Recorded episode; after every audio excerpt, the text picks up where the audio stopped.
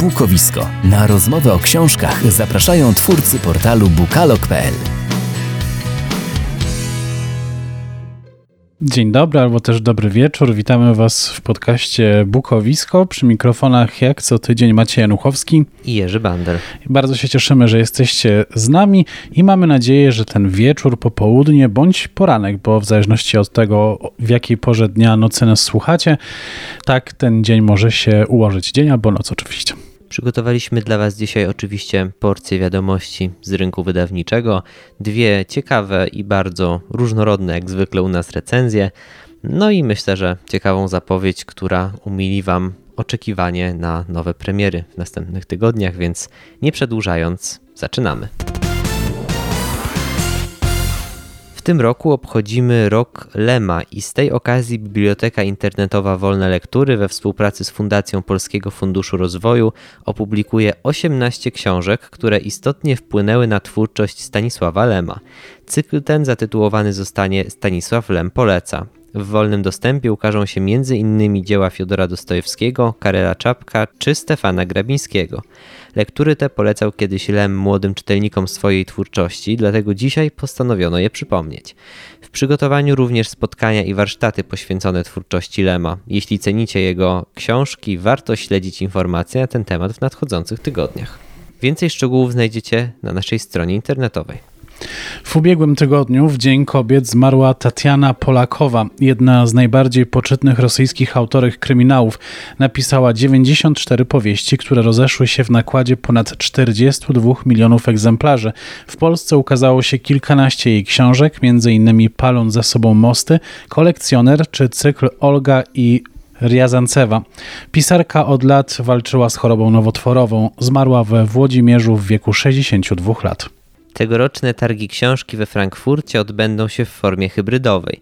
Część spotkań będzie na miejscu, a część zdalnie. Niektóre z zaplanowanych w ubiegłym roku punktów programu zostało przeniesionych na tegoroczną edycję. W 2020 ze zrozumiałych względów wydarzenie nie mogło się odbyć. W tym roku targi zaplanowano w dniach od 20 do 24 października. Wśród zmian jest m.in. to, że targi będą odbywały się na mniejszej powierzchni. Targi liczą na udział około 2 trzecich liczby wystawców, którzy brali udział w nich dwa lata temu. Dwa pierwsze dni to dni branżowe dla wydawców i agentów literackich. Publiczność zostanie wpuszczona trzeciego i czwartego dnia. Przestrzeń w halach będzie bardziej otwarta, najmniejsze stoiska będą mieć 8 m2 zamiast 4, jak to miało miejsce w poprzednich edycjach. Liczba odwiedzających będzie monitorowana i ograniczona zgodnie z obowiązującymi przepisami. Termin przyjmowania zgłoszeń na targi mija 31 maja. Być może to jakiś wzór, z którego polscy organizatorzy targów mogliby zaczerpnąć ale to na pewno dopiero w 2022 roku, ponieważ najpierw będą targi warszawskie, a dopiero później we Frankfurcie.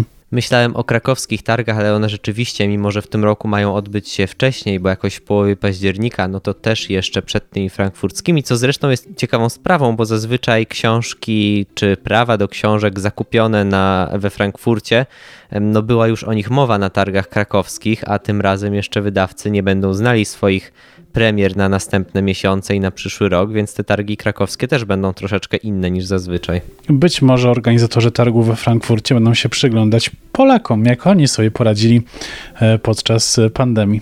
Oby kupili od nas jak najwięcej praw do naszych polskich książek, żeby wydać je za granicą. Książka, którą na dziś przygotowałem, to historia miłości. Czyli wracamy do obyczajówek. Tak jest. Właściwie jest to trochę skomplikowana relacja, ale jednocześnie bardzo wyjątkowa. Autorka postarała się o to, byśmy zagłębili się w duszę bohaterów, a z każdą kolejną warstwą, do której docieramy, lektura wciągała nas bez końca i chcemy jeszcze, jeszcze i jeszcze. Mowa o książce w kolorze Morza Adeliny Zuzanny Julii, Poznajemy w niej Johna, młodego pisarza. Chłopak po udanym debiucie i pierwszych książkach fantazy poszukuje miejsca, w którym poszuka natchnienia do pisania kolejnej książki. Z polecenia wyjeżdża na niewielką wyspę Berry Ridges. Tam zamieszkuje u Davida, który okazuje się jego dawnym muzycznym idolem. John na wyspie próbuje przetrawić tragiczne wydarzenia, które spotkały go rok wcześniej i znaleźć wewnętrzny spokój. Nie pomagają mu w tym jego sny, nie pozwalają odciąć się od przeszłości i wzmagają bolesne wspomnienia. Z biegiem czasu coraz bardziej zaczyna fascynować się Davidem. Mężczyzna jest wdowcem wychowującym bliźniaki. John dociera do tajemnicy, która wiąże się ze śmiercią żony muzyka. Między innymi dzięki temu ucieka od własnych problemów, od samego siebie i tego, co miał uporządkować do zabrania się za porządkowanie swojego życia będzie musiał jednak stanąć. John jest poturbowanym przez życie młodym mężczyzną, który stracił rodziców a schronienie wtedy otrzymał od wuja Itana. Libacje alkoholowe, awantury to była jego codzienność. Był też romans ze starszym mężczyzną, kolegą wuja od kieliszka. Wracając po śmierci wuja do miejsca, w którym się wychował, czeka go nie tylko stawianie czoła przeszłości, ale i tajemnicy, która może mieć dla niego bardzo duże znaczenie. Możesz coś więcej powiedzieć o głównych bohaterach? Jacy oni są? Zaciekawią naszych słuchaczy? Autorka napracowała się przy budowaniu bohaterów. Ich kreacje są przemyślane, charakterystyczne i dopracowane. Każda z osób występujących w książce jest wyrazista, a główne postaci są złożone.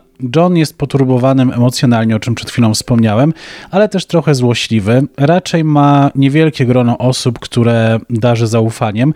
Mimo, że zdobył swego rodzaju popularność, to nie przykłada do tego dużej wagi, nie wywyższa się, a przynajmniej nie okazuje tego ludziom, którzy są dla niego mili.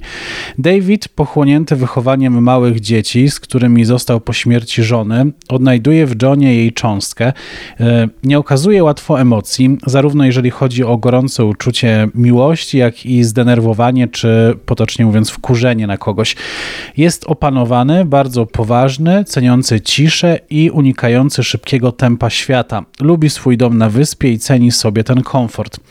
Obaj są z jednej strony ostrożni w stosunku do tego, co pomiędzy nimi się wydarza, a z drugiej czasem możemy poczuć nutę zazdrości w ich zachowaniu. Wzajemnie bardzo mocno na siebie oddziaływują. Ten wpływ jest e, dla obu dobry, choć możemy też powiedzieć, że są oszczędni w okazywaniu sobie uczucia.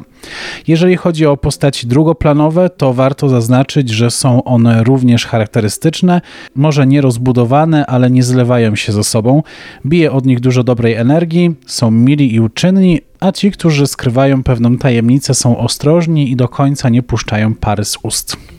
Jak myślisz, dlaczego autorka umieściła akcję książki nad morzem? Myślę, że wybór miejsca nie był przypadkowy, był przemyślany i świadomy. To właśnie mieszkańcy małych wysp kojarzą nam się z osamotnieniem, ucieczką od cywilizacji, miejscem, gdzie łatwiej można zebrać myśli przemyśleć swoje życie. Poza tym chyba ta wzajemna pomoc i grzeczność są generalnie ich charakterystycznymi cechami. Adelina Zuzanna Julia zbudowała w książce w kolorze morza trudną do opisania atmosferę. Jest ona wyjątkowa, pobudzająca naszą wyobraźnię, wywołująca emocje i wciągająca w fabułę. Z każdą stroną miałem ochotę na więcej i więcej. Gdzieś tam pod skórą też kibicowałem głównym bohaterom, szczególnie kiedy były momenty, w których niby byli bliżej siebie, a ich drogi przez brak zdecydowania się rozmijały. Na pewno to uczucie musiało dojrzeć i swoje przejść. Książkę w kolorze morza uważam za dobry debiut literacki ten melancholijny nastrój i ciekawy pomysł na książkę są dla mnie przekonujące. Myślę, że po przeczytaniu zostawię sobie na półce e, te pozycje i właściwie nie tylko na regale, ale też w mojej głowie przez dosyć długi czas jeszcze pozostanie. W dzisiejszej zapowiedzi tygodnia, książka, na którą bardzo czekam i mam nadzieję, że będzie dużym i głośnym wydarzeniem literackim w Polsce, tak jak wcześniej była na świecie. W połowie kwietnia premierę będzie miało tłumaczenie powieści Bernardine Varisto Dziewczyna, kobieta inna, która w 2019 roku otrzymała nagrodę Bookera ex z Margaret Atwood. Można się więc spodziewać, że co najmniej jej dorównuje, a to naprawdę sztuka. To opowieść o dwudziestowiecznej Wielkiej Brytanii i o dwunastu bohaterach, z których każdy prowadzi swoje poszukiwania. Brzmi tajemniczo, ale też zachęcająco. To ma być również powieść o przeróżnych kobietach i ich sile. Jestem bardzo ciekaw i będę na pewno ją czytać. Ja z kolei dzisiaj wracam e, znowu do klasyki, bo przez kilka tygodni jej nie było. Jakiś czas temu w podcaście opowiadałem o wznowieniu zbiorów opowiadań Marka Nowakowskiego i Jarosława Iwaszkiewicza. Całe szczęście wydawnictwo Iskry nie poprzestało na nich, ale wydało biografię i dzieła jeszcze jednego polskiego pisarza, który kilka lat temu szturmem powrócił do świadomości Polaków i wydaje się, że już w niej pozostanie. I chyba dobrze. O kim mówisz? O Kornelu Filipowiczu. Aha, yy, on był związany z Wisławą Szymborską, prawda? Tak, ale chociaż z tym go najczęściej kojarzymy, jeśli w ogóle go kojarzymy, ma do zaprezentowania o wiele więcej. Jego historię opowiedziała Justyna Sobolewska w biografii Miron, Ilia, Kornel, opowieść biograficzna o Kornelu Filipowiczu. Jeszcze parę lat temu w ogóle o Filipowiczu się nie mówiło, w szkole nie poświęca mu się nawet paru minut. Po jego teksty sięgali raczej fascynaci dwudziestowiecznej literatury i krótkich form. Przecież Filipowicz nie miał biografii, usłyszała kiedyś Justyna Sobolewska, o czym opowiada we wstępie do swojej książki. Pisał, łowił ryby i był outsiderem. Co w tym ciekawego?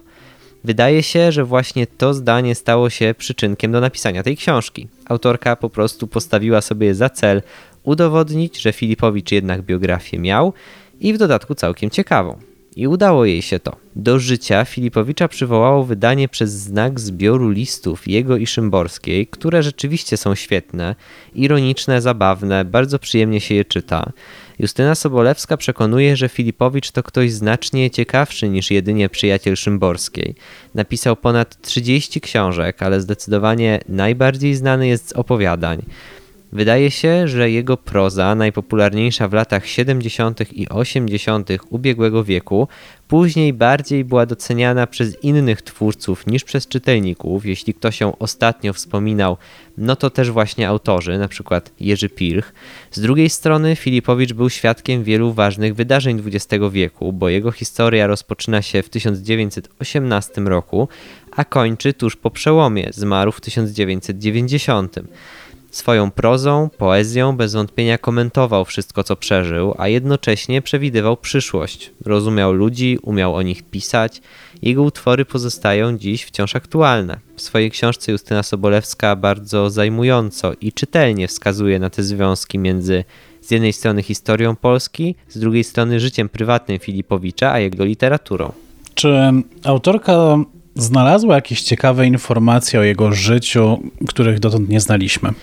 Tak, dużą wartością książki są niepublikowane wcześniej fotografie, fragmenty listów i notatek, które zostały przechowane od momentu, kiedy Filipowicz zmarł, gdzieś zamknięte u jego spadkobierców, a teraz zostały e, przekazane autorce. E, one wzbogacają bardzo książkę i dają nam lepszy obraz tego, kim był Filipowicz prywatnie. Tak jak wielu twórców PRL-u był członkiem literackiego środowiska, miał liczne kontakty w tym świecie artystycznym poza Szymborską. Przyjaźnił się na przykład z Tadeuszem i Stanisławem Różewiczami, a pierwszą żoną Filipowicza była Maria Jarema. No a co z dziełami Filipowicza? Można je gdzieś przeczytać? Sama biografia to chyba nie wszystko.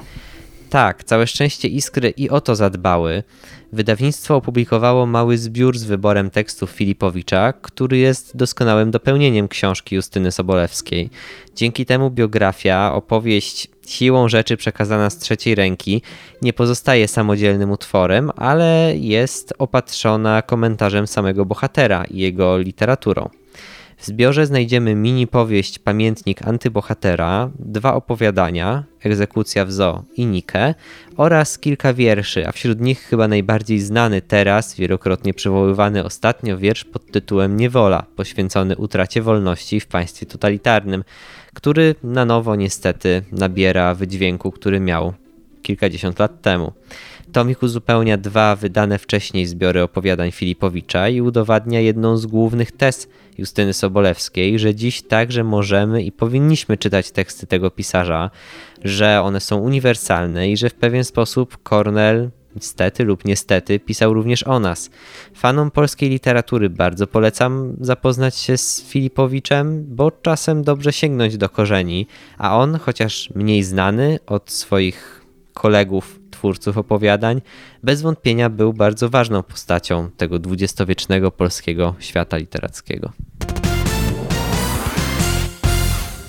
Bardzo się cieszymy z tego, że po raz kolejny byliście razem z nami w podcaście Bukowisko, że słuchaliście naszego podcastu i dziękujemy tym, którzy co jakiś czas udzielają się chociażby w komentarzach e, na YouTubie pod właśnie odcinkami podcastu i dzielą swoimi opiniami, do czego oczywiście zachęcamy również i Was, tych, którzy jeszcze tego nie zrobili. Tradycyjnie oczywiście zachęcamy Was też do odwiedzania portali społecznościowych Instagram i Facebook, tam nas znajdziecie, a na stronie internetowej więcej zapowiedzi, informacji, wiadomości i recenzji, które możecie poczytać, oczekując na kolejny wtorek na godzinę 18.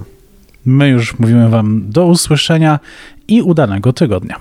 Przy mikrofonach byli z Wami jak zawsze Jerzy Bander i Maciej Januchowski. Cześć. Cześć. Podcast Bukowisko znajdziesz na YouTubie, Spotify, Google Podcast i Apple Podcast.